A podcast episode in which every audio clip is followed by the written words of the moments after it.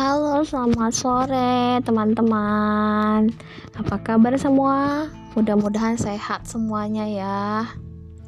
Gimana nih keadaan kalian di saat pandemi seperti ini? Aku harap kalian tidak termasuk yang terkena dampak yang terlalu berdampak ya.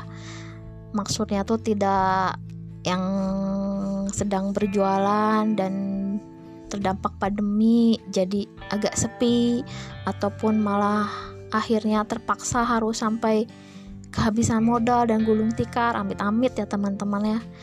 Atau juga tidak termasuk ke dalam golongan orang yang terkena pemutusan hubungan kerja sama seperti aku kemarin juga dari sebelum lebaran aku termasuk orang yang terkena PHK juga mudah-mudahan tidak seperti itu ya tidak termasuk ke dalam golongan-golongan itu aku doakan kalian yang mendengarkan aku sehat selalu, bahagia selalu, sejahtera selalu. Yang pastinya jangan sampai terkena dampak pandemi yang benar-benar terdampak sekali. Tapi mau nggak mau, memang pandemi ini jadi gimana ya? Merubah benar-benar merubah total kehidupan kita. Semua dari segala sisi. Bener nggak? Bener-bener gimana ya jadinya? mengkhawatirkan benar-benar miris benar-benar miris apalagi perekonomian ya kalau terus-menerus seperti ini bisa-bisa negara kita bangkrut. Karena roda perekonomiannya tidak berputar. Berputar pun pelan-pelan dan banyak kendala. Karena uh, perekonomian yang paling dasar yang paling bawahnya maksudnya di masyarakatnya sebenarnya yang paling yang jadi penopang gitu kan masyarakat lapisan menengah ke bawah itu mereka juga sama-sama terdampak mereka goyah juga. Kalau mereka goyah ya pasti ke atasnya juga goyah. Sekarang tuh yang yang sudah dari dulunya susah jadi tambah susah.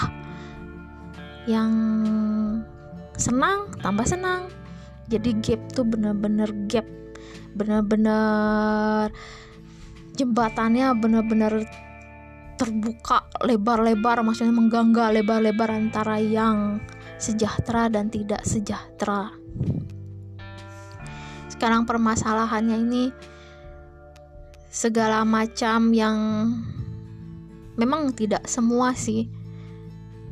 Tidak semua memang. Ada golongan-golongan tertentu, orang-orang tertentu yang malah tidak merasakan dampaknya sama sekali.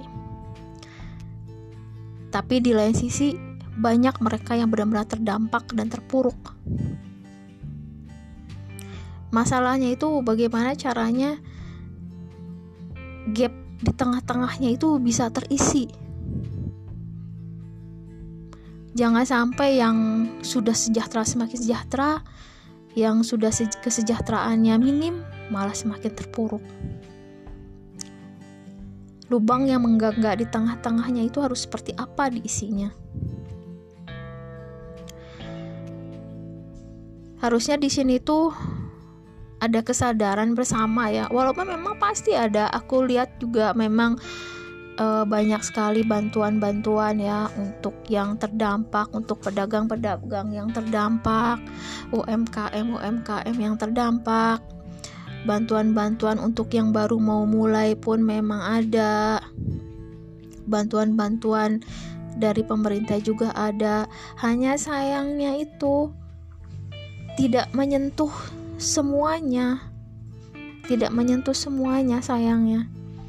Jadi di sini itu untuk mengisi lubang yang menggangga itu aku pikir bukan aku pikir memang seharusnya karena aku sendiri juga mengalami. Seharusnya orang yang paling dekat dulu gitu yang melihat ya keluarga ya tetangga. Jadi kita tuh jangan dulu berandai-andai mengharapkan mengharapkan ada pertolongan dari pihak lain untuk seseorang yang dekat dengan kita melihat kondisinya yang terdampak akibat pandemi ini. Karena harusnya kitanya sendiri yang maju yang mengelurkan tangan kepada mereka yang membutuhkan. Kita yang terdekat toh. Pemerintah maupun pemerintah daerah maupun pemerintah pusat kan tidak bisa benar-benar melihat siapa saja yang benar-benar membutuhkan pertolongan.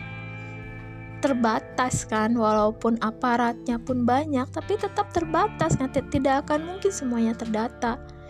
Ya salah satu caranya yaitu orang-orang yang terdekatnya yang harus empatinya tinggi. Dalam setiap agama pun pasti diajarkan kan bagaimana saling menyayangi saling menyayangi sesama umat beragama, sesama keluarga, sesama tetangga. Jadinya miris sekali ya ketika di saat seperti ini ada orang yang benar-benar terpuruk tetangganya acuh-acuh saja. Saudaranya acuh-acuh saja. Akhirnya apa? Kesehatan mental masyarakat kita yang terganggu.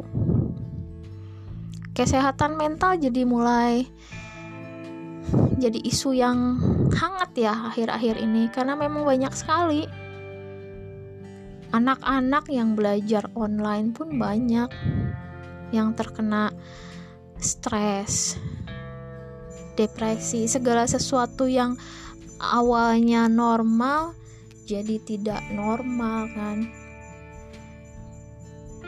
Mereka jadi harus menghadapi tugas-tugas yang banyak belum dengan segala fasilitas yang segala terbatas juga. Harus belajar sendirian juga karena tidak mungkin ya terus menerus harus belajar berkelompok dan lain sebagainya dengan kondisi seperti ini. Itu juga menambah beban juga kan entah pelajaran yang mereka dapat secara online itu entah mereka pahami atau tidak. Karena kalau yang saya lihat sendiri tingkah anak saya Jatina tingkah anak enak tingkah anak saya di rumah. Uh, apa ya jadi hidupnya itu jadi seperti tidak teratur.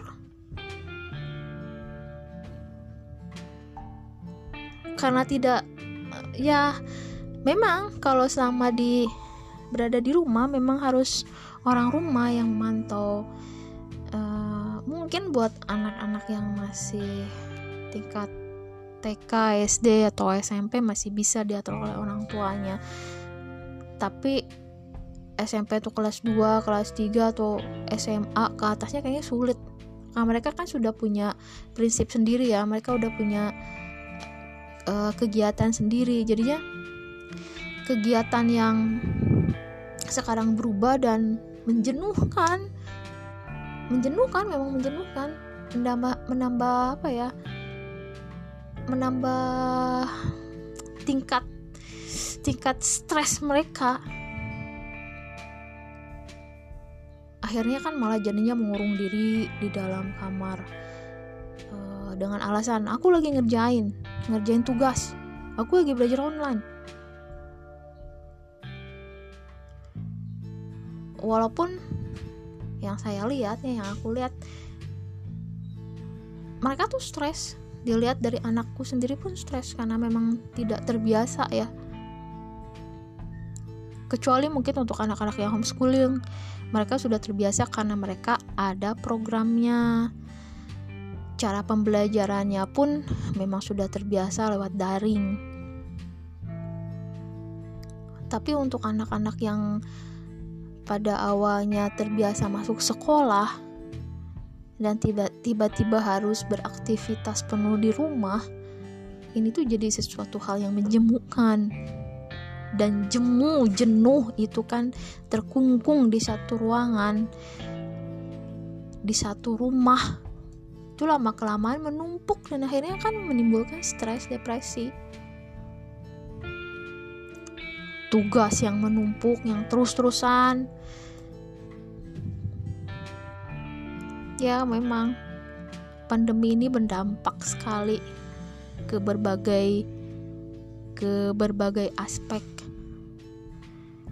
Juga orang-orang yang terkena PHK juga miris sekali ngelihat mereka pasang status di media-media sosial kan cari kerjaan. Bahkan saya sendiri. Ya aku sendiri maksudnya. Aku juga terkena PHK juga dan aku bisa merasakan gimana gimana uh, perasaan mereka. Ya sedikit banyaknya. Uh, aku menyatakan di sini bahwa memang tidak bisa dibiarkan sendiri mereka itu. Ya di sinilah uh, pentingnya empati itu. Pentingnya empati itu. Jadi walaupun kita tidak bisa memberikan materi untuk menolong setidaknya kita bisa memberikan mendengarkan. Dengan mendengarkan pun mereka jadi akhirnya merasa ada orang yang perhatikan dan semangatnya jadi akan timbul sendiri Masalahnya karena sudah sibuk dengan masalah sendiri masing-masing, ya tidak ada waktulah untuk mendengarkan itu.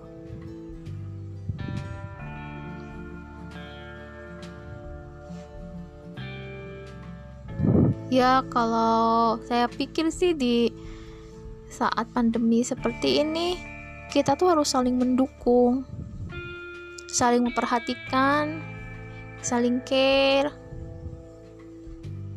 jadi si lubang yang menggangga itu tuh tidak ada.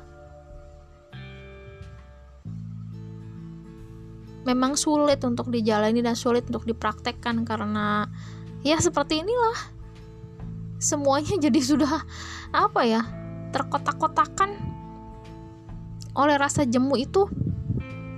Yang akhirnya uh, si masing-masing individu itu memang terjebak di pemikiran di pola pikirnya masing-masing. Sayang sekali sih. Kalau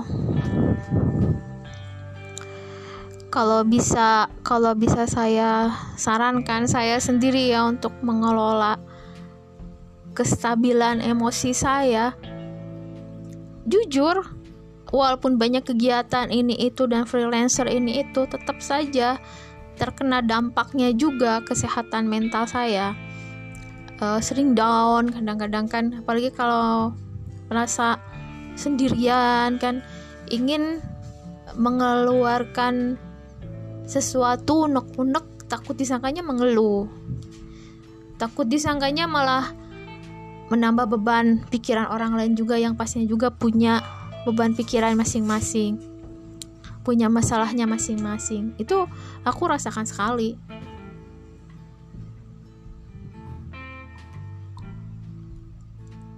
Jadinya uh, salah satu caranya ya harus mencari sebuah kegiatan yang bisa uh, membantu menstabilkan, menormalkan kegalauan ya, gejolak emosi. Memang pasti sulit bagi yang tidak mengalami. Mungkin akan melihat, wah ini orang kenapa sih galau-galau amat gitu kan? Hidup kok kayaknya nggak gitu-gitu amat deh. Tapi ketika misalnya Anda mencoba memposisikan diri sebagai orang yang tengah di yang tengah ditimpa kesulitan pasti bakal mengerti deh gimana rasanya beratnya menjalani esok hari gimana rasanya malasnya mau bangun tidur itu karena malas menghadapi kenyataan misalnya. Gimana beratnya uh, menatap hari esok yang sepertinya kok tidak ada cahaya-cahayanya sama sekali ya sebenarnya hal-hal seperti ini tuh nggak perlu ada kalau misalnya ada dukungan dari orang-orang terdekat. Uh, kalau saya pribadi ketika uh, segala beban terasa begitu semakin menghimpit ya pertamanya tuh aku paksakan gitu. Saya paksakan diri saya itu bangun di pagi hari itu misalnya sesudah sholat subuh tuh sesudah sholat subuh tuh aku nggak tidur lagi.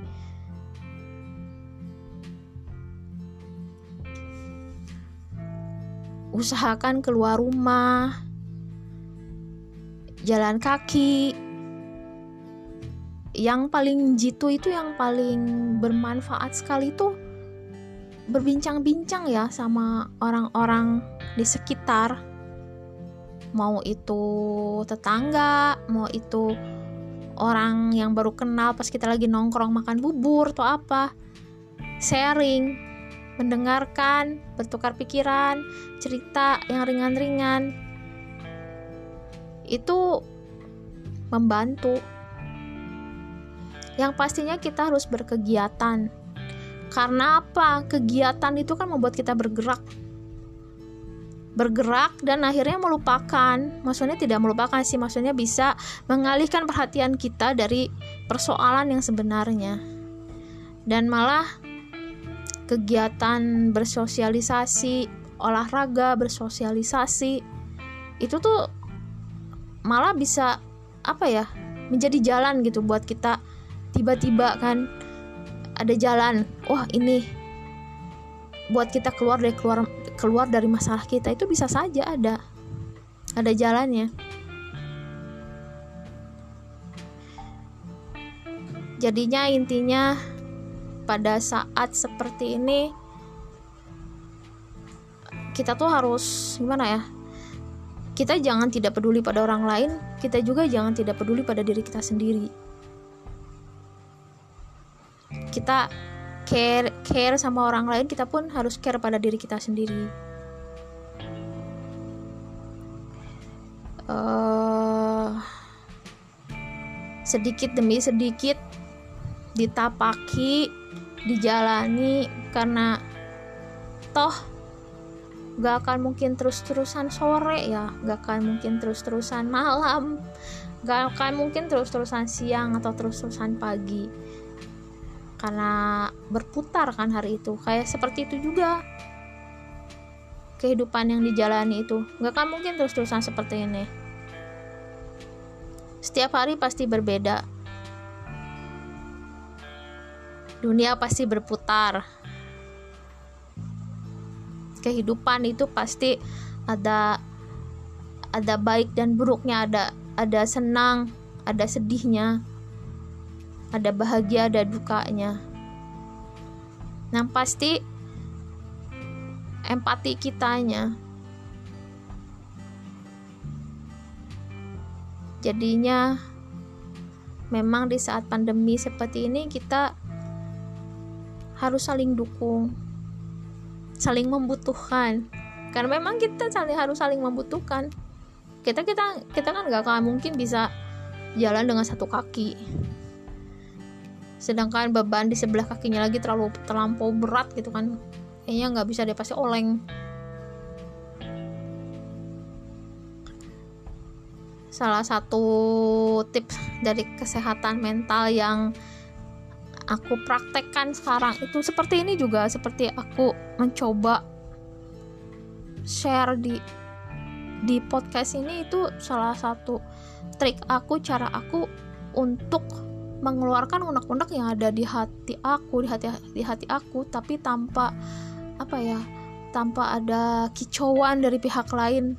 Wah kamu mah ngeluh. Wah ya itu salah satu trik aku. Karena berbicara itu meringankan meringankan hati meringankan pikiran membuat lega.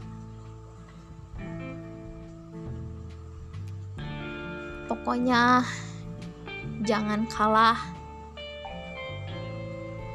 selalu ada cahaya walaupun di tempat tergelap sekalipun. Uh, ke depannya aku akan sharing dari tadi. Bicaranya aku saya aku saya. Ini sama sekali nggak pakai skrip. Langsung aja. Ke depannya mungkin aku akan sharing tentang cara-cara mengelola potensi diri kita ya. Apa saja yang bisa kita lakukan? Uh, mencari kerjaan itu kan sulit apalagi untuk orang-orang yang sudah berumur seperti saya juga. Uh, tapi bukan berarti rezeki itu tidak ada. Karena selama kita bernafas rezeki itu pasti ada. Hanya tinggal seperti apa kita mencoba untuk membuka jalan rezekinya. Hmm, untuk ke depannya saya akan coba uh, sharing cara-cara menggali potensi diri ya seperti yang saya lakukan hingga saat ini. Makasih banget teman-teman udah mau dengerin sharing-sharing dari saya sharing-sharing dari aku dari tadi rancu banget ya. Bolak-balik aku saya aku saya. Kelihatan banget nggak pakai skripnya uh, tapi setidaknya sekarang jadi merasa lega.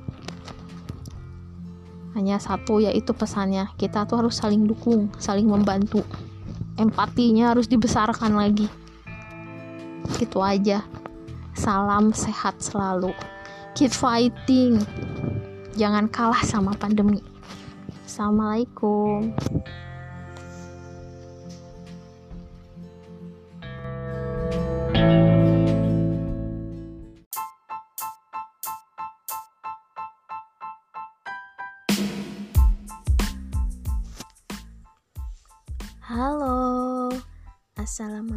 semuanya, apa kabar? Gimana nih keadaannya? sehat semua kan?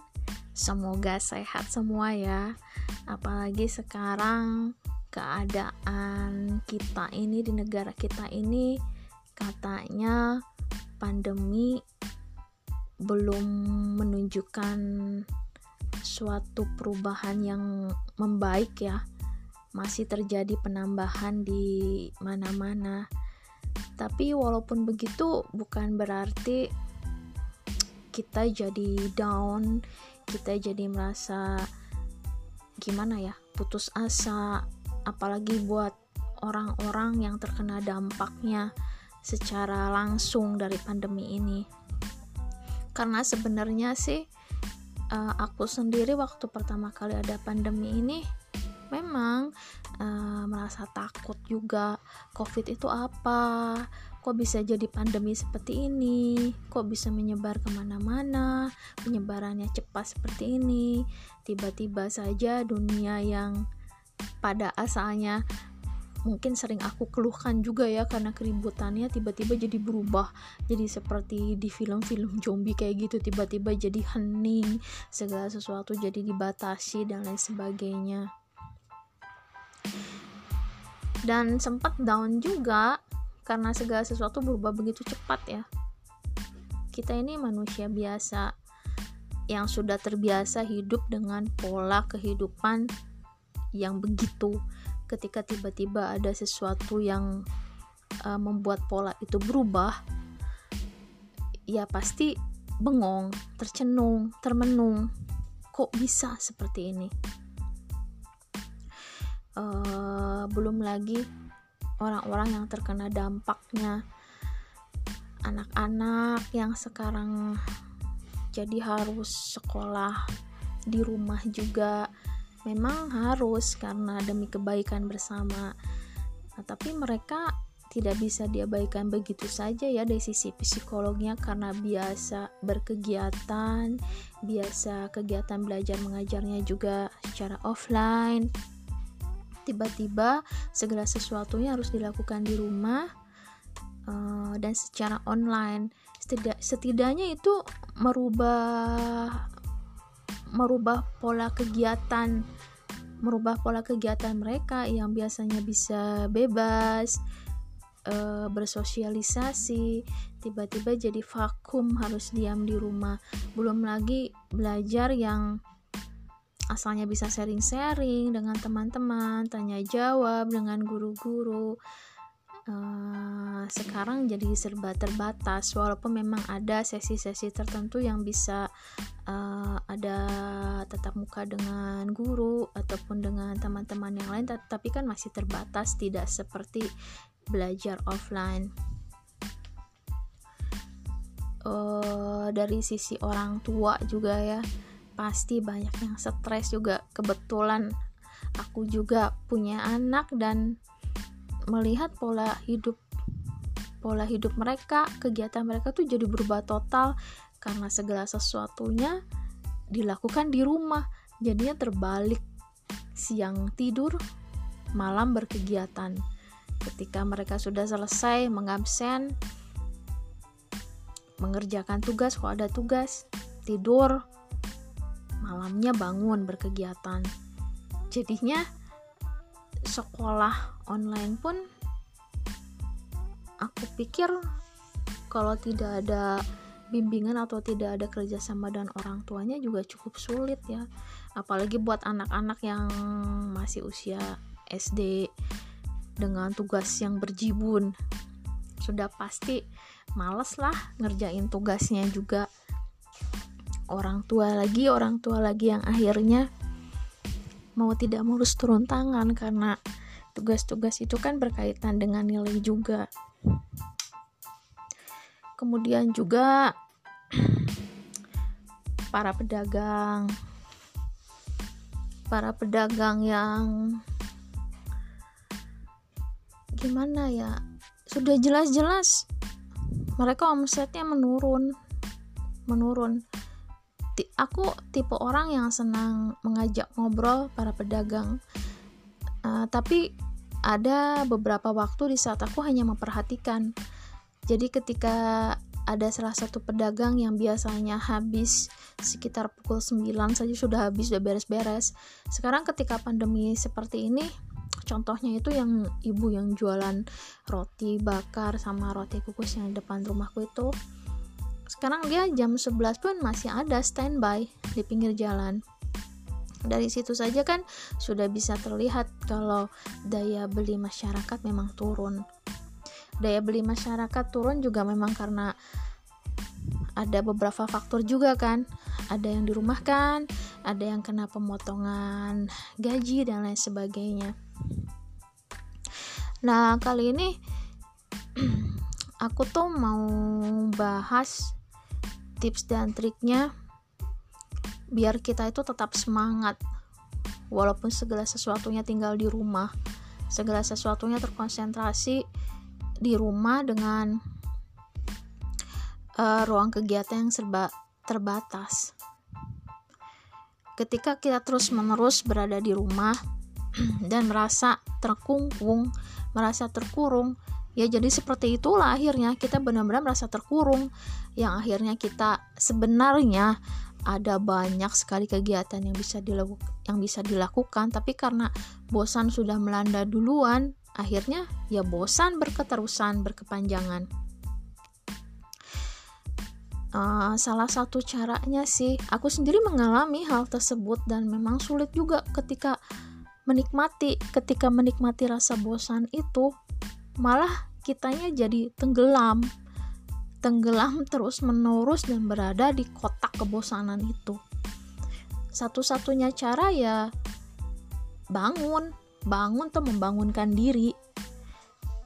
Jadinya uh, hey bangun. Kayaknya lu nggak gitu-gitu banget deh. Kayaknya hidup nggak gitu-gitu banget deh. Masih banyak kegiatan yang bisa dilakuin kalau aku sih yang pertama kali ya uh, dari kemarin tuh aku tuh berpikir juga ini aku bicara seperti ini juga sama berbicara pada diri aku sendiri memotivasi diri aku sendiri. Aku dari kemarin uh, mencoba memahami keadaan mencoba memahami situasi mencoba memahami keadaan orang-orang yang berada dalam kesulitan gitu kan. Pasti down dan lain sebagainya itu ada memang sulit kalau misalnya segala sesuatu harus dikerjakan sendiri apalagi tidak ada yang menyemangati. Nah satu-satunya cara mungkin bagi yang muslim lebih mudah ya karena ada jam-jam sholat ada waktu-waktu sholat. Nah salah satu tips dan trik dari aku itu untuk uh, mempertahankan atau membangkitkan kembali semangat itu yaitu uh, dikaitkan dengan waktu-waktu sholat itu.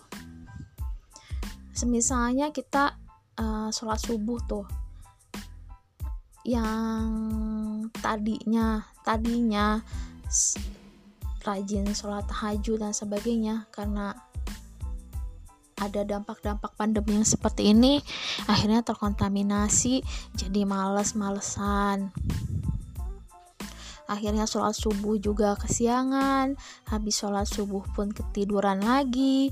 Akhirnya kegiatan pagi yang biasa dilakukan pun jadi terabaikan. Itu aku alami juga.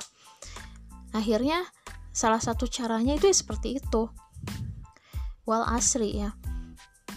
Kita pegang teguh waktu-waktu sholat itu. Misalnya sekarang sholat nih uh, waktu azan subuh jam 4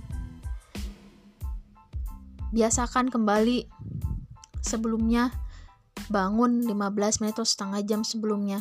Jadi bisa sholat tahajud tuh. Sesudah sholat subuh dan sebagainya.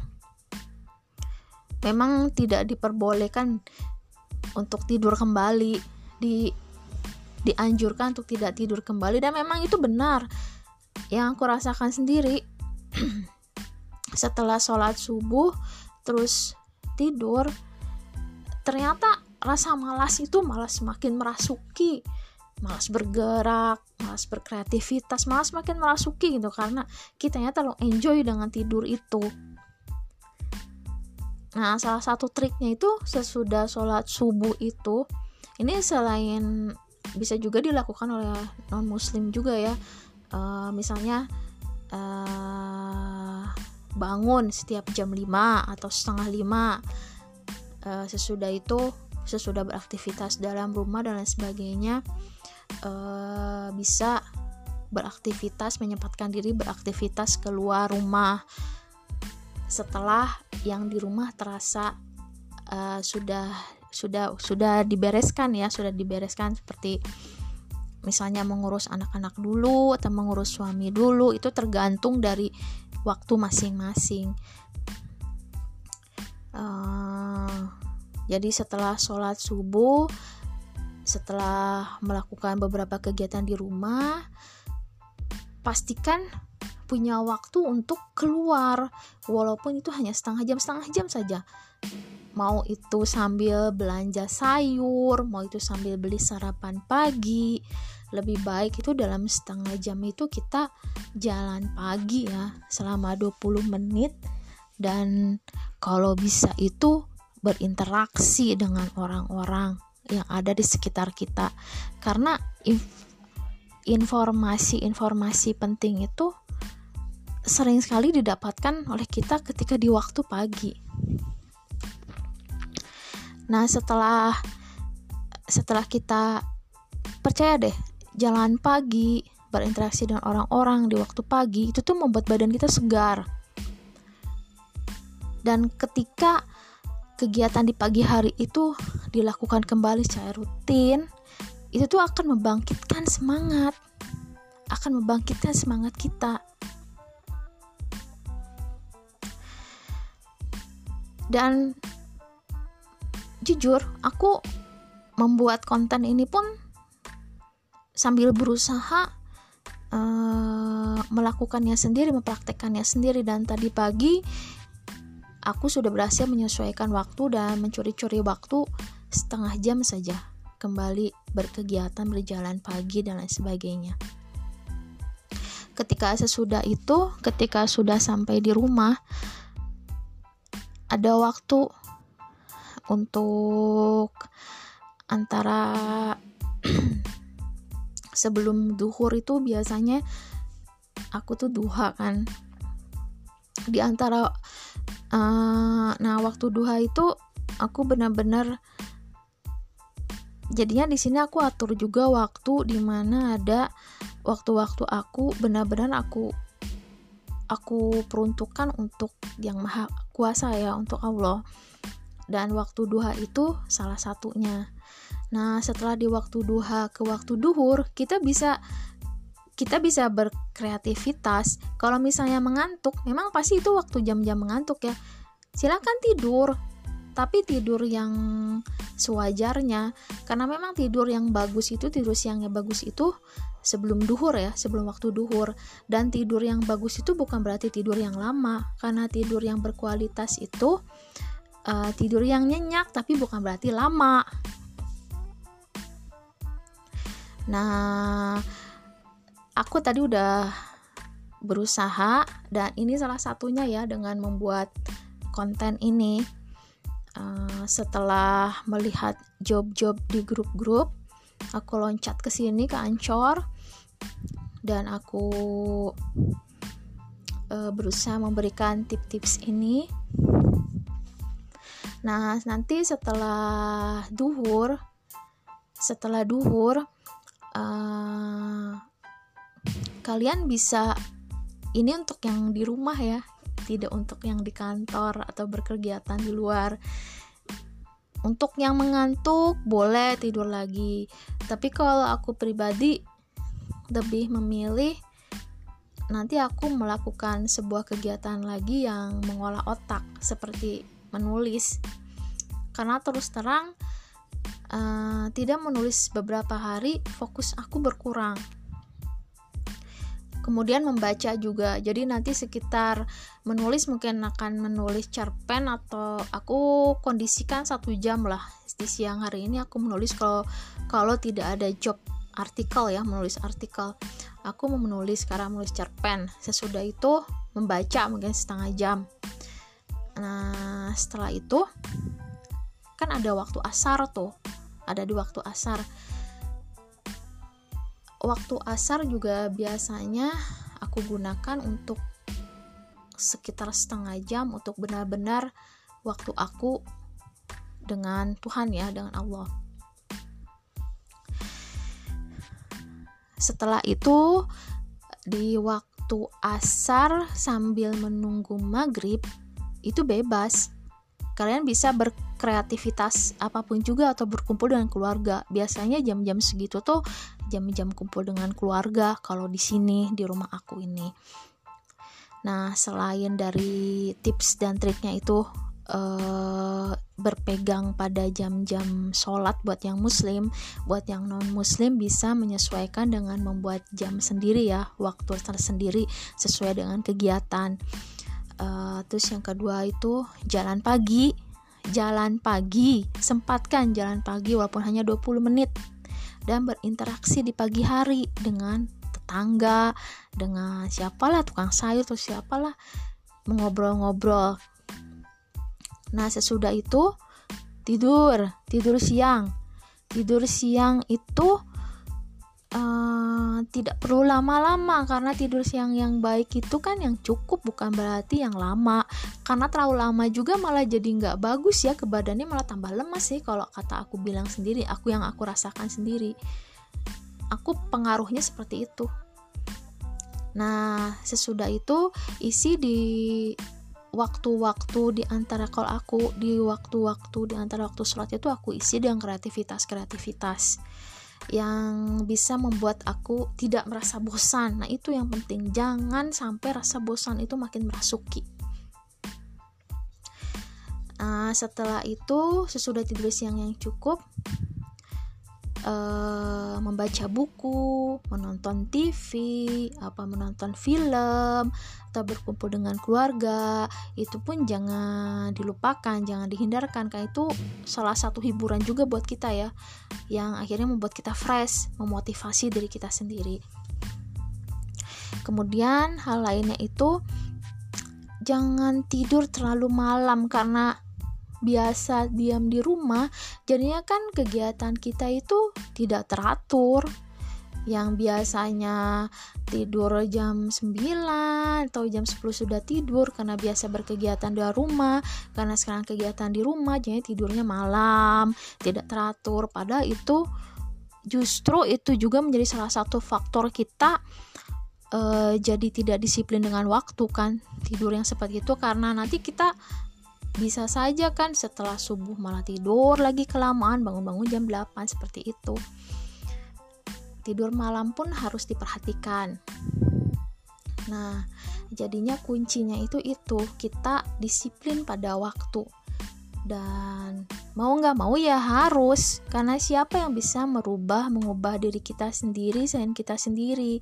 Siapa yang bisa memberi kita semangat selain kita sendiri?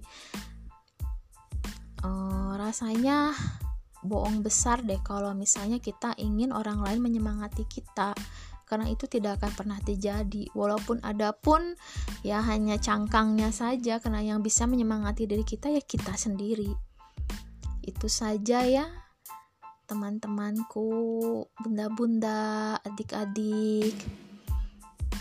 Kuncinya itu semangat itu apalagi yang down karena karena tertimpa karena tertimpa akibat pandemi ini harus maulah bergerak. Kuncinya itu saja dulu.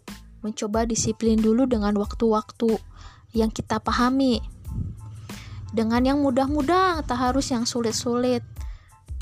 Yang penting uh, kita bangun mood kita yang baik dari pagi hari uh, ketika mood sudah terbangun dengan baik dari pagi hari lama kelamaan kan semangat kita kan naik naik naik. Ya akhirnya insya Allah bisa pulih kembali setelah dilakoni dari hari ke hari. Semangat buat kita semua ya. Kita pasti menang melawan pandemi ini. Makasih banget udah mendengarkan. Assalamualaikum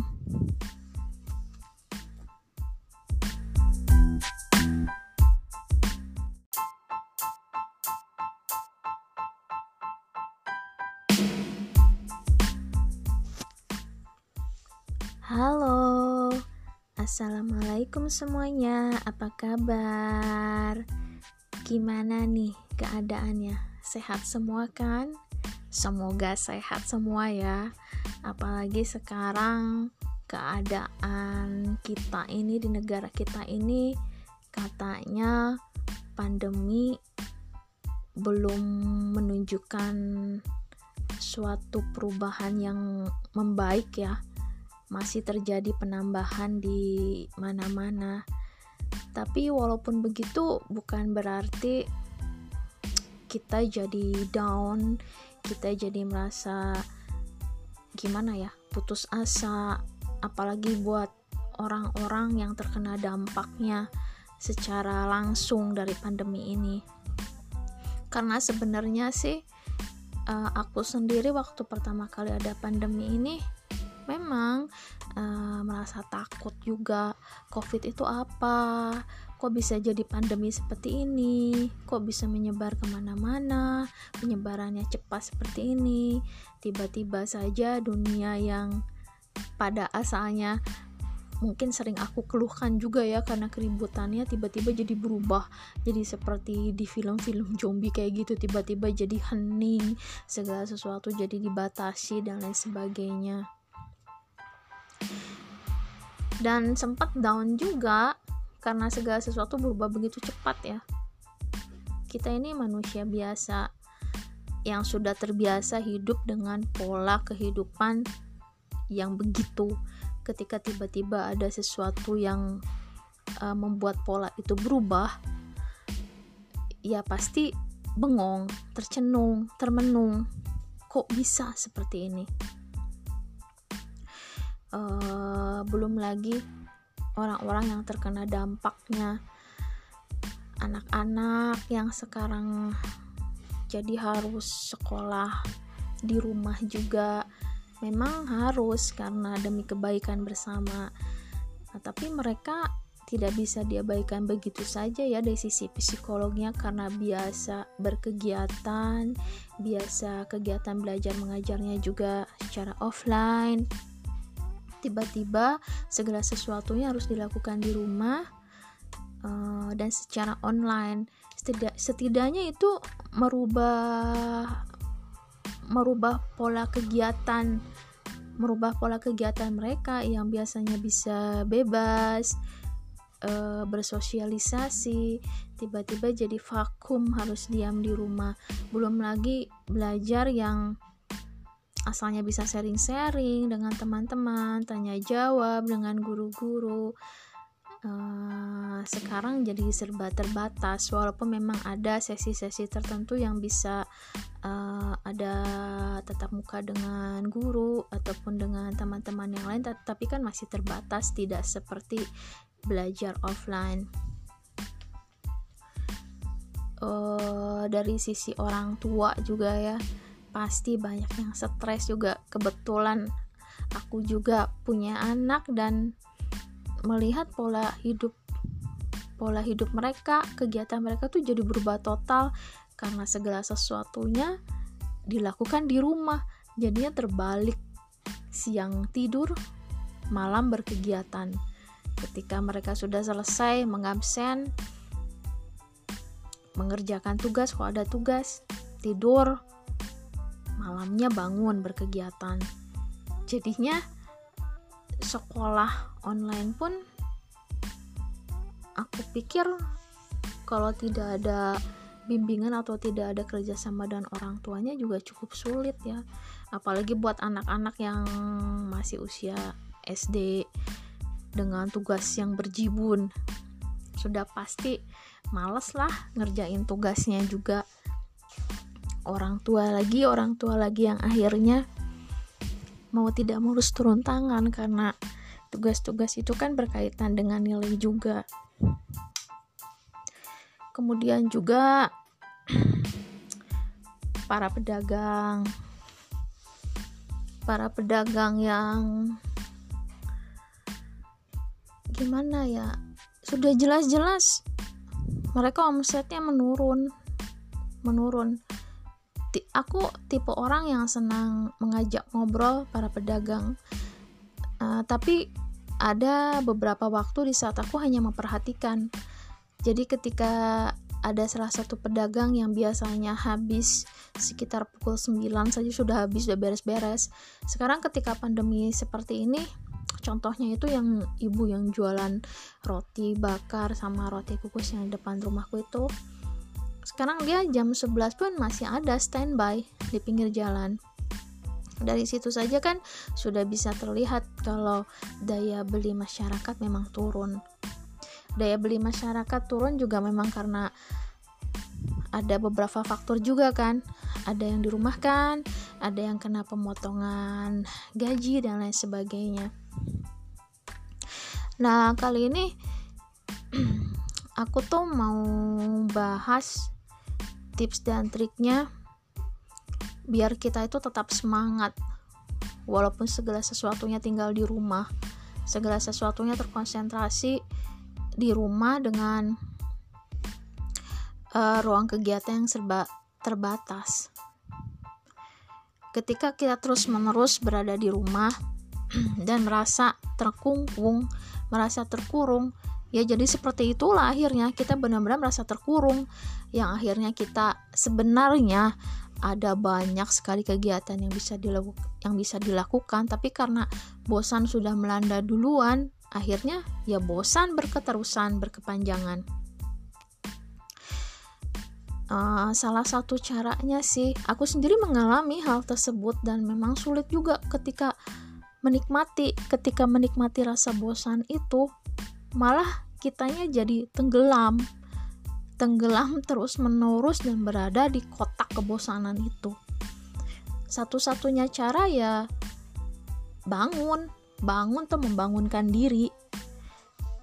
Jadinya uh, hey bangun. Kayaknya lu nggak gitu-gitu banget deh. Kayaknya hidup nggak gitu-gitu banget deh. Masih banyak kegiatan yang bisa dilakuin kalau aku sih yang pertama kali ya uh, dari kemarin tuh aku tuh berpikir juga ini aku bicara seperti ini juga sama berbicara pada diri aku sendiri memotivasi diri aku sendiri. Aku dari kemarin uh, mencoba memahami keadaan mencoba memahami situasi mencoba memahami keadaan orang-orang yang berada dalam kesulitan gitu kan. Pasti down dan lain sebagainya itu ada memang sulit kalau misalnya segala sesuatu harus dikerjakan sendiri apalagi tidak ada yang menyemangati. Nah satu-satunya cara mungkin bagi yang muslim lebih mudah ya karena ada jam-jam sholat ada waktu-waktu sholat. Nah salah satu tips dan trik dari aku itu untuk uh, mempertahankan atau membangkitkan kembali semangat itu yaitu uh, dikaitkan dengan waktu-waktu sholat itu. Semisalnya kita uh, sholat subuh tuh yang tadinya tadinya rajin sholat tahajud dan sebagainya karena ada dampak-dampak pandemi yang seperti ini akhirnya terkontaminasi jadi males-malesan akhirnya sholat subuh juga kesiangan habis sholat subuh pun ketiduran lagi. Akhirnya kegiatan pagi yang biasa dilakukan pun jadi terabaikan. Itu aku alami juga. Akhirnya salah satu caranya itu ya seperti itu.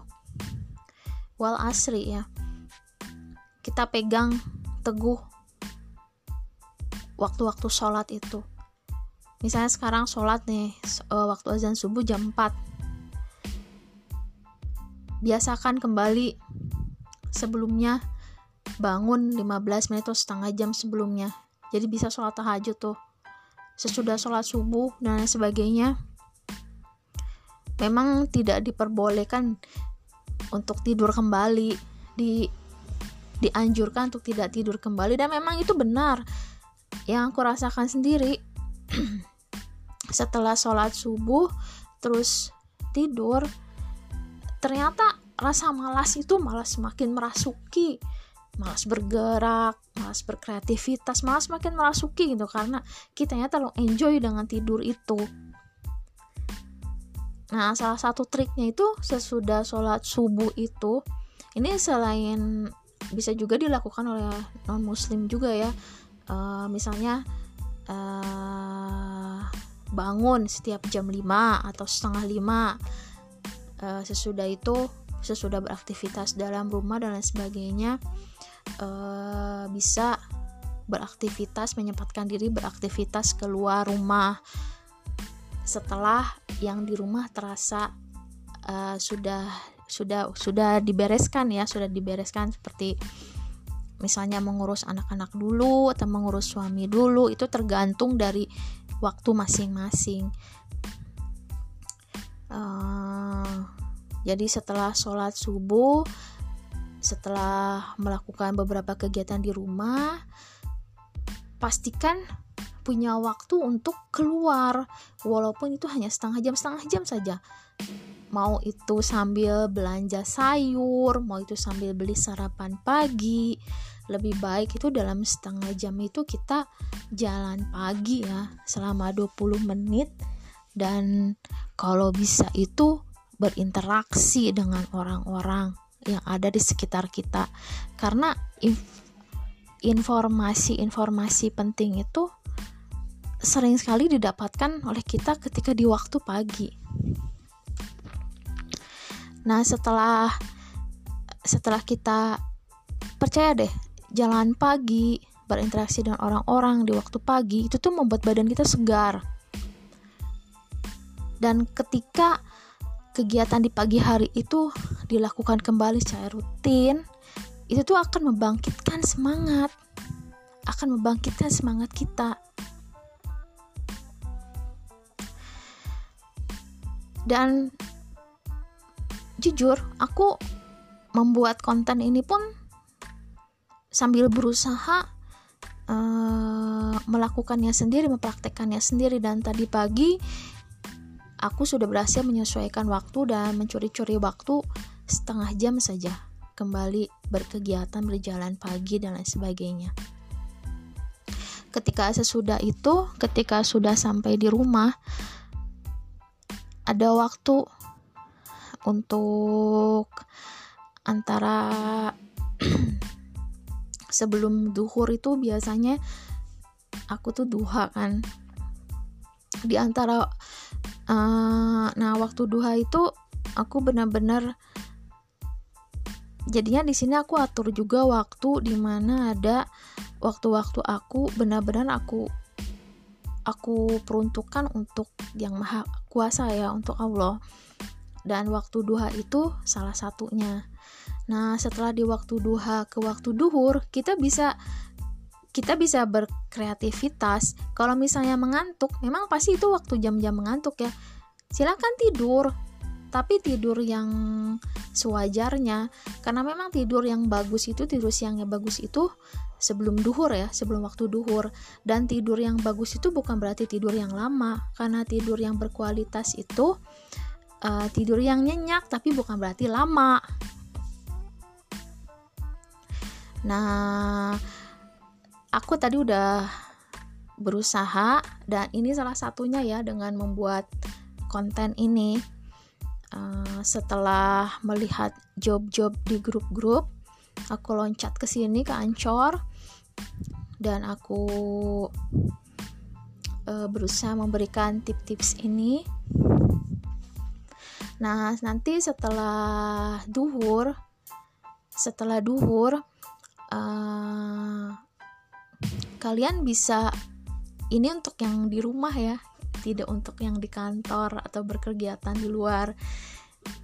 Untuk yang mengantuk boleh tidur lagi. Tapi kalau aku pribadi lebih memilih nanti aku melakukan sebuah kegiatan lagi yang mengolah otak seperti menulis. Karena terus terang uh, tidak menulis beberapa hari fokus aku berkurang kemudian membaca juga. Jadi nanti sekitar menulis mungkin akan menulis cerpen atau aku kondisikan satu jam lah di siang hari ini aku menulis kalau kalau tidak ada job artikel ya menulis artikel. Aku mau menulis sekarang menulis cerpen. Sesudah itu membaca mungkin setengah jam. Nah setelah itu kan ada waktu asar tuh. Ada di waktu asar waktu asar juga biasanya aku gunakan untuk sekitar setengah jam untuk benar-benar waktu aku dengan Tuhan ya dengan Allah. Setelah itu di waktu asar sambil menunggu maghrib itu bebas. Kalian bisa berkreativitas apa pun juga atau berkumpul dengan keluarga biasanya jam-jam segitu tuh jam-jam kumpul dengan keluarga kalau di sini di rumah aku ini. Nah, selain dari tips dan triknya itu uh, berpegang pada jam-jam sholat buat yang muslim, buat yang non muslim bisa menyesuaikan dengan membuat jam sendiri ya, waktu tersendiri sesuai dengan kegiatan.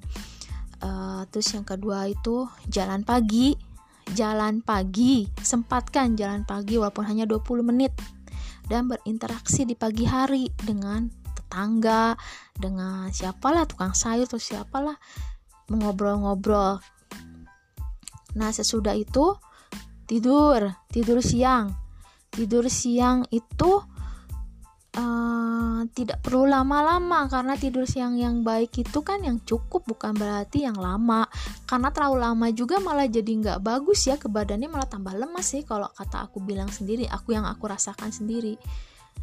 Aku pengaruhnya seperti itu. Nah sesudah itu isi di waktu-waktu di antara kalau aku di waktu-waktu di antara waktu sholat itu aku isi dengan kreativitas kreativitas yang bisa membuat aku tidak merasa bosan. Nah, itu yang penting. Jangan sampai rasa bosan itu makin merasuki. Nah, setelah itu sesudah tidur siang yang cukup, uh, membaca buku, menonton TV, apa menonton film, atau berkumpul dengan keluarga, itu pun jangan dilupakan, jangan dihindarkan karena itu salah satu hiburan juga buat kita ya, yang akhirnya membuat kita fresh, memotivasi diri kita sendiri. Kemudian hal lainnya itu jangan tidur terlalu malam karena biasa diam di rumah jadinya kan kegiatan kita itu tidak teratur. Yang biasanya tidur jam 9 atau jam 10 sudah tidur karena biasa berkegiatan di rumah karena sekarang kegiatan di rumah jadi tidurnya malam tidak teratur. Padahal itu justru itu juga menjadi salah satu faktor kita uh, jadi tidak disiplin dengan waktu kan tidur yang seperti itu. Karena nanti kita bisa saja kan setelah subuh malah tidur lagi kelamaan bangun-bangun jam 8 seperti itu. Tidur malam pun harus diperhatikan. Nah, jadinya kuncinya itu itu kita disiplin pada waktu dan mau nggak mau ya harus karena siapa yang bisa merubah mengubah diri kita sendiri selain kita sendiri siapa yang bisa memberi kita semangat selain kita sendiri uh, rasanya bohong besar deh kalau misalnya kita ingin orang lain menyemangati kita. Karena itu tidak akan pernah terjadi. Walaupun ada pun ya hanya cangkangnya saja karena yang bisa menyemangati diri kita ya kita sendiri. Itu saja ya teman-temanku bunda-bunda adik-adik. Kuncinya itu semangat itu apalagi yang down karena karena tertimpa karena tertimpa akibat pandemi ini harus maulah bergerak. Kuncinya itu saja dulu. Mencoba disiplin dulu dengan waktu-waktu yang kita pahami. Dengan yang mudah-mudah tak harus yang sulit-sulit. Yang penting uh, kita bangun mood kita yang baik dari pagi hari.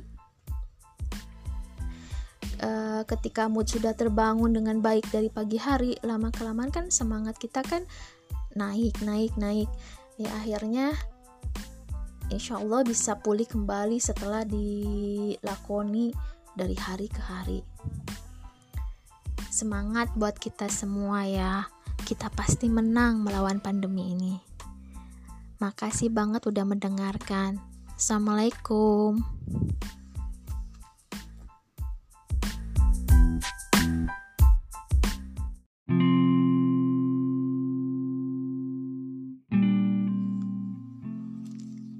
Halo teman-teman, apa kabarnya nih? Semoga semua sehat selalu ya. Harus sehat. Harus jaga kesehatan. Harus tetap mengikuti protokol kesehatan. Jangan lupa pakai masker, jangan lupa sering cuci tangan. Dan yang paling penting, tetap menerap, menerapkan pola hidup sehat. Harus banyak istirahat, makan makanan pun yang bergizi seimbang ya banyakin makan buah-buahan sayuran olahraga juga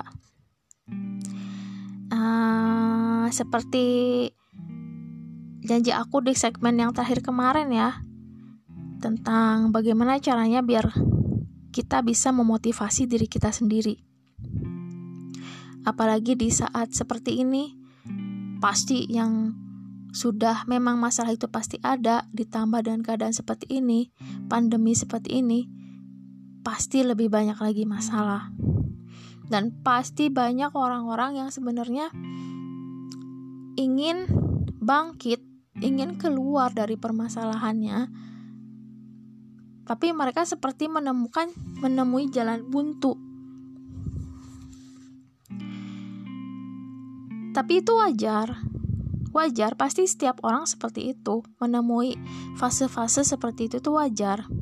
Di saat ada uh, tiba ingin bangkit tapi merasa kok jalan tuh buntu di mana-mana. Itu wajar. Pasti ada fase seperti itu. Nah, kali ini aku mau bahas beberapa poin ya. Jadi judulnya kali ini tuh bagaimana caranya untuk memotivasi diri di saat kita merasa lemah, sendirian, masalah bertubi-tubi, pasti semangat itu patah down. Jangan disangkal, tapi bukan berarti juga harus dinikmati seterusnya. Untuk bangkit itu ada beberapa fase dan ketika di fase pertama itu fase kita jatuh, kita down, merasa lemah, kecewa, benar-benar terpuruk, ya biarkan saja. Kalau mau menangis, menangis saja. Tumpahkan semuanya.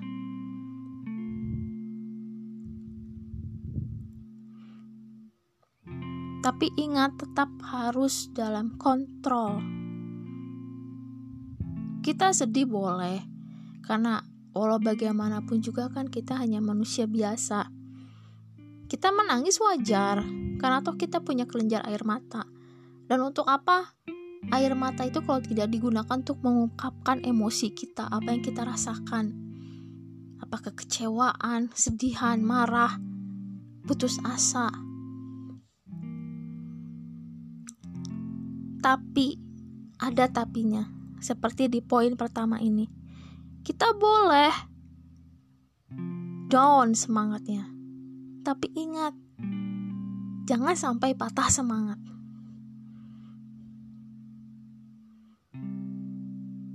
Wah, pasti kalian pada protes. Wow, saya enaknya banget ngomong. Jangan sampai patah semangat. Udah tahu lagi down, tapi jangan sampai patah semangat. Ya, kan karena ada sub-sub poinnya juga. Bagaimana caranya agar kita itu jangan sampai patah semangat? Pada intinya, kita itu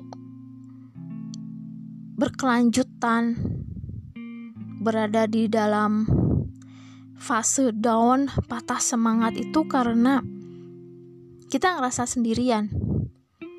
Kita ngerasa kita nggak punya pegangan. Kalau istilahnya kita nggak ada teman curhat.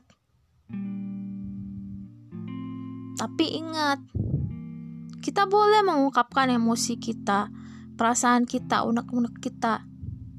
Tapi ingat, dia, mereka, tempat kita mengungkapkan emosi, mengungkapkan segala apa yang dirasa pun punya masalahnya masing-masing.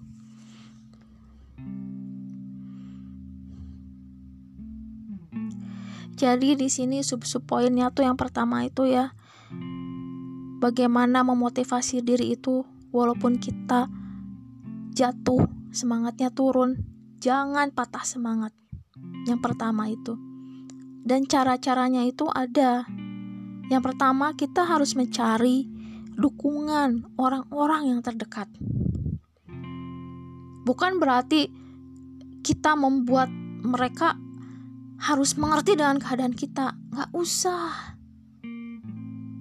Gak usah membuat kita tuh terlihat begitu udah kita lemah terlihat be begitu sangat lemah di depan mereka tidak usah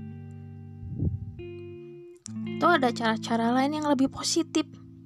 Mencari dukungan pada keluarga atau teman dekat? Itu tidak selalu harus dengan curhat berurai air mata dan sebagainya sampai teriak-teriak. Sampai mengeluarkan kata-kata ya lu sih nggak ngerti keadaan gua sekarang kayak gimana. Nggak usah kayak gitu kayaknya.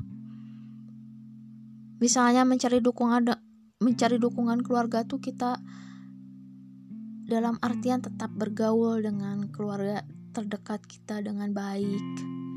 Tetap menjalankan aktivitas sehari-hari dengan baik. Tetap bersilaturahmi. Karena ketika kita membuka diri, perasaan kita pun jadi lebih enak, lebih terbuka, lebih hangat.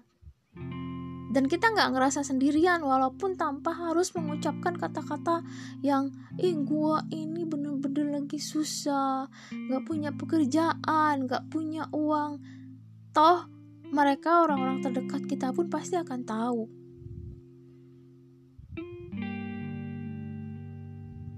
Masalahnya, gimana kalau misalnya mereka tetap tidak mau tahu? Ya, tidak masalah.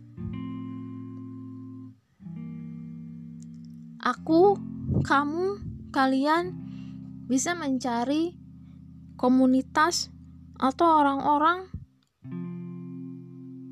yang bisa dikatakan satu nasib dengan kita. Misalnya, aku yang single mom bergabung dengan komunitas ibu-ibu tunggal. Kalian juga bisa mencari komunitas yang satu visi dan misi dengan kalian. Yang dengan kata lain uh, bisa mengalihkan perhatian kalian dari pokok permasalahan yang hanya membuat semangat down lagi dan down lagi karena bergaul dengan orang-orang yang berpandangan luas di tempat yang berbeda daripada di rumah itu tuh akan membawa suasana yang berbeda juga dengan kita. Jadi ya membawa aura positif. Selain itu ada juga uh, kita selain mencari dukungan keluarga, teman, ataupun komunitas, kita juga bisa berkegiatan positif. Ya kegiatan kegiatan positif juga yang pasti melibatkan orang lain juga mengharuskan kita untuk bersosialisasi pada akhirnya. Seperti misalnya olahraga. Bebas saja mau di rumah, apa keluar rumah. Tapi kalau aku prefer aku lebih memilih untuk keluar rumah. Mau jalan pagi, apa apa sore, apa di saat-saat kalian menyempatkan diri untuk berolahraga walaupun hanya sekitar rumah keliling-keliling saja pun tidak apa-apa. Yang penting di situ ada pergantian suasana dan kalian bisa saling sapa dengan orang-orang yang kenal.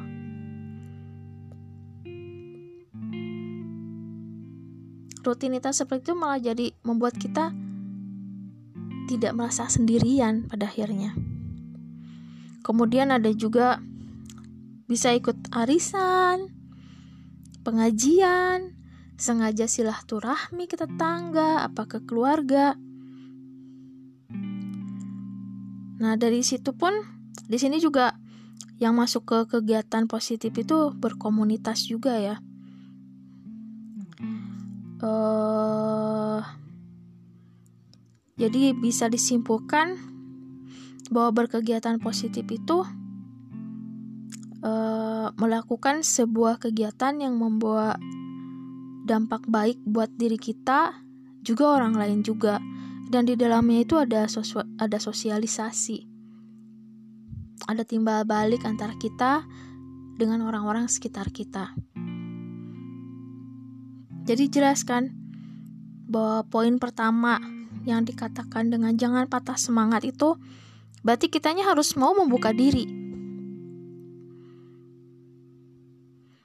jangan gimana ya memang pasti ada fase-fasenya kita tuh ingin mengurung diri di kamar dan sebagainya. Boleh. Tapi ingat jangan berlebihan. Jangan terus-terusan. Gak apa-apa.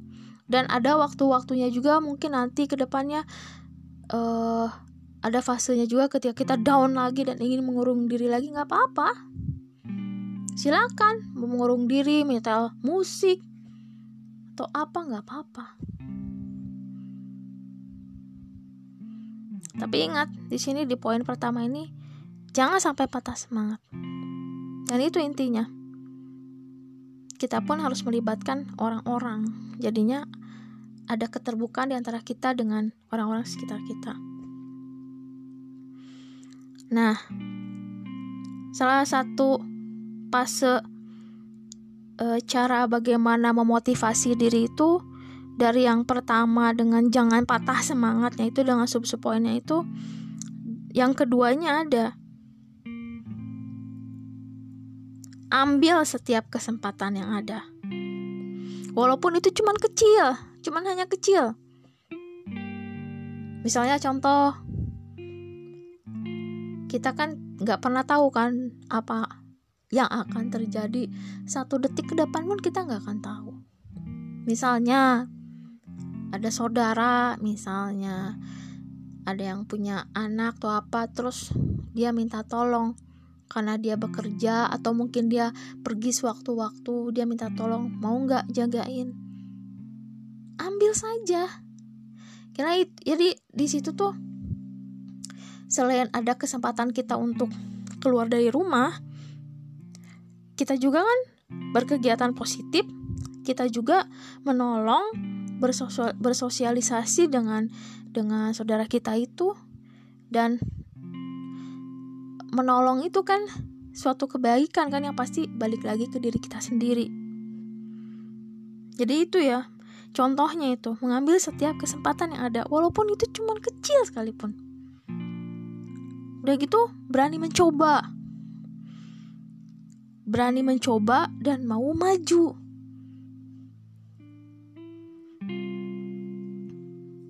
jadinya ketika ada sesuatu hal yang baru kita butuh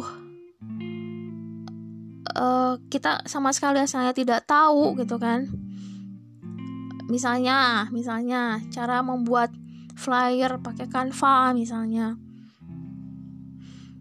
Uh, tiba-tiba kita dapat tugas gitu dari komunitas tuh gimana?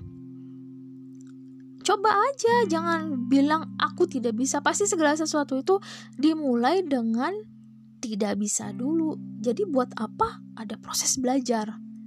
Gitu loh. Jadi harus berani mencoba berani mencoba. Atau mereka nggak akan menghina kalau misalnya kita tidak bisa dan tidak sesempurna yang mereka harapkan. Karena segala sesuatu tuh kan ada prosesnya. Nggak kamu langsung jelek tiba-tiba. Mahir expert dan sebagainya. Enggak jadi ini satu paket ya. Mengambil setiap kesempatan yang ada berani mencoba dan mau maju kita harus punya target. Kita harus lebih baik dari hari ini. Misalnya dalam seminggu ini aku harus bisa memiliki suatu keahlian yang baru. Atau aku harus membuat resep baru. Atau aku harus menulis cerpen lah atau membuat artikel atau apa. Pokoknya mau maju. Dalam artian lebih baik dari saat ini dari hari ini.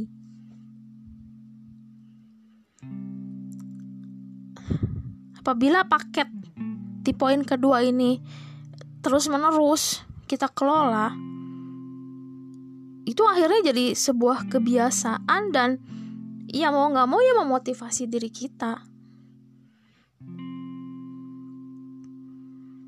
seperti itu. Dan yang poin yang ketiganya ini memang manusia itu kan tempatnya salah ya. Kita itu pasti pasti salah kita nggak sempurna. Dan menjalani menjalani semua ini permasalahan yang membuat down dengan yang aku katakan the poin-poin tadi itu jangan patah semangat. Mengambil setiap kesempatan yang ada itu tuh sebenarnya memang sulit. Kalau kitanya tidak benar-benar ada niat dan tidak ada kepasrahan. Nah di poin ketiga ini ada satu poin yang yang aku gimana ya aku garis bawah itu sangat penting jadi poin ketiga ini percaya kepada pertolongan Tuhan, kepada pertolongan Allah. Jadinya di setiap kegiatan kita, di setiap tindakan kita, kita tuh libatkan keberadaan Tuhan, keberadaan Allah. Kita libatkan. Yakin, yakinkan pada diri bahwa pertolongan Allah itu ada. Bahwa tidak ada tempat yang benar-benar gelap-gelap tidak ada. Pasti ada satu titik cahaya. Ketika kita sudah melibatkan keberadaan Allah dengan percaya kepada pertolongannya segala sesuatunya akan menjadi lebih mudah dan ringan dan uh, kesempatan demi kesempatan pasti terbuka dan kemudahan demi kemudahan pasti kita dapat. Jadi sebenarnya ini poin-poin bagaimana memotivasi diri ini jadinya tuh satu paket ini tuh. Yang pertama jangan patah semangat, yang kedua mengambil setiap kesempatan yang ada dalam artian berani mencoba dan mau maju, yang ketiga percaya kepada pertolongan Allah itu satu paket dan yang yang yang bisa aku katakan di sini yang paling dahsyatnya itu memotivasi diri kita itu yang poin ketiga percaya kepada pertolongan Allah, kepada pertolongan Tuhan.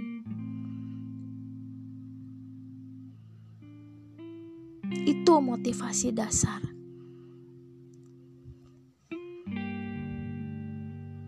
Pada siapa kita bergantung? ketika teman atau saudara pun ternyata pastinya mereka punya masalah masing-masing. Akhirnya kan kita berlarinya pasti curhatnya sama Allah.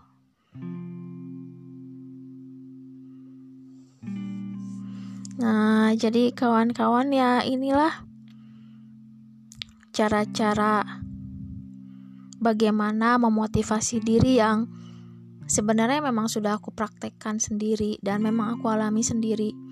Dan aku ingin sharing dengan kalian. Setiap orang pasti punya masalah dan pasti punya fase di mana dia terpuruk jatuh dan lain sebagainya. Tidak apa-apa. Tapi ingat aku bukan sampah kalian pun bukan sampah. Enggak enggak ada bangkit Jangan patah semangat.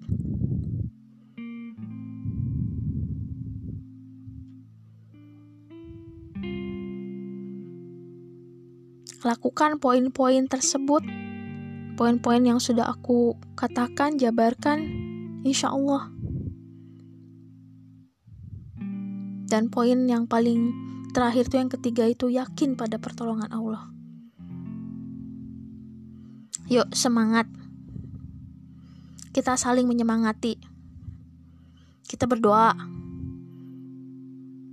Yang penting membuka diri, berkegiatan terus, bersosialisasi, terus mencari ilmu, mencari ilmu, mencari ilmu, ingin maju, maju, maju, maju. Seperti itu. Insya Allah. Gambatte kudasai.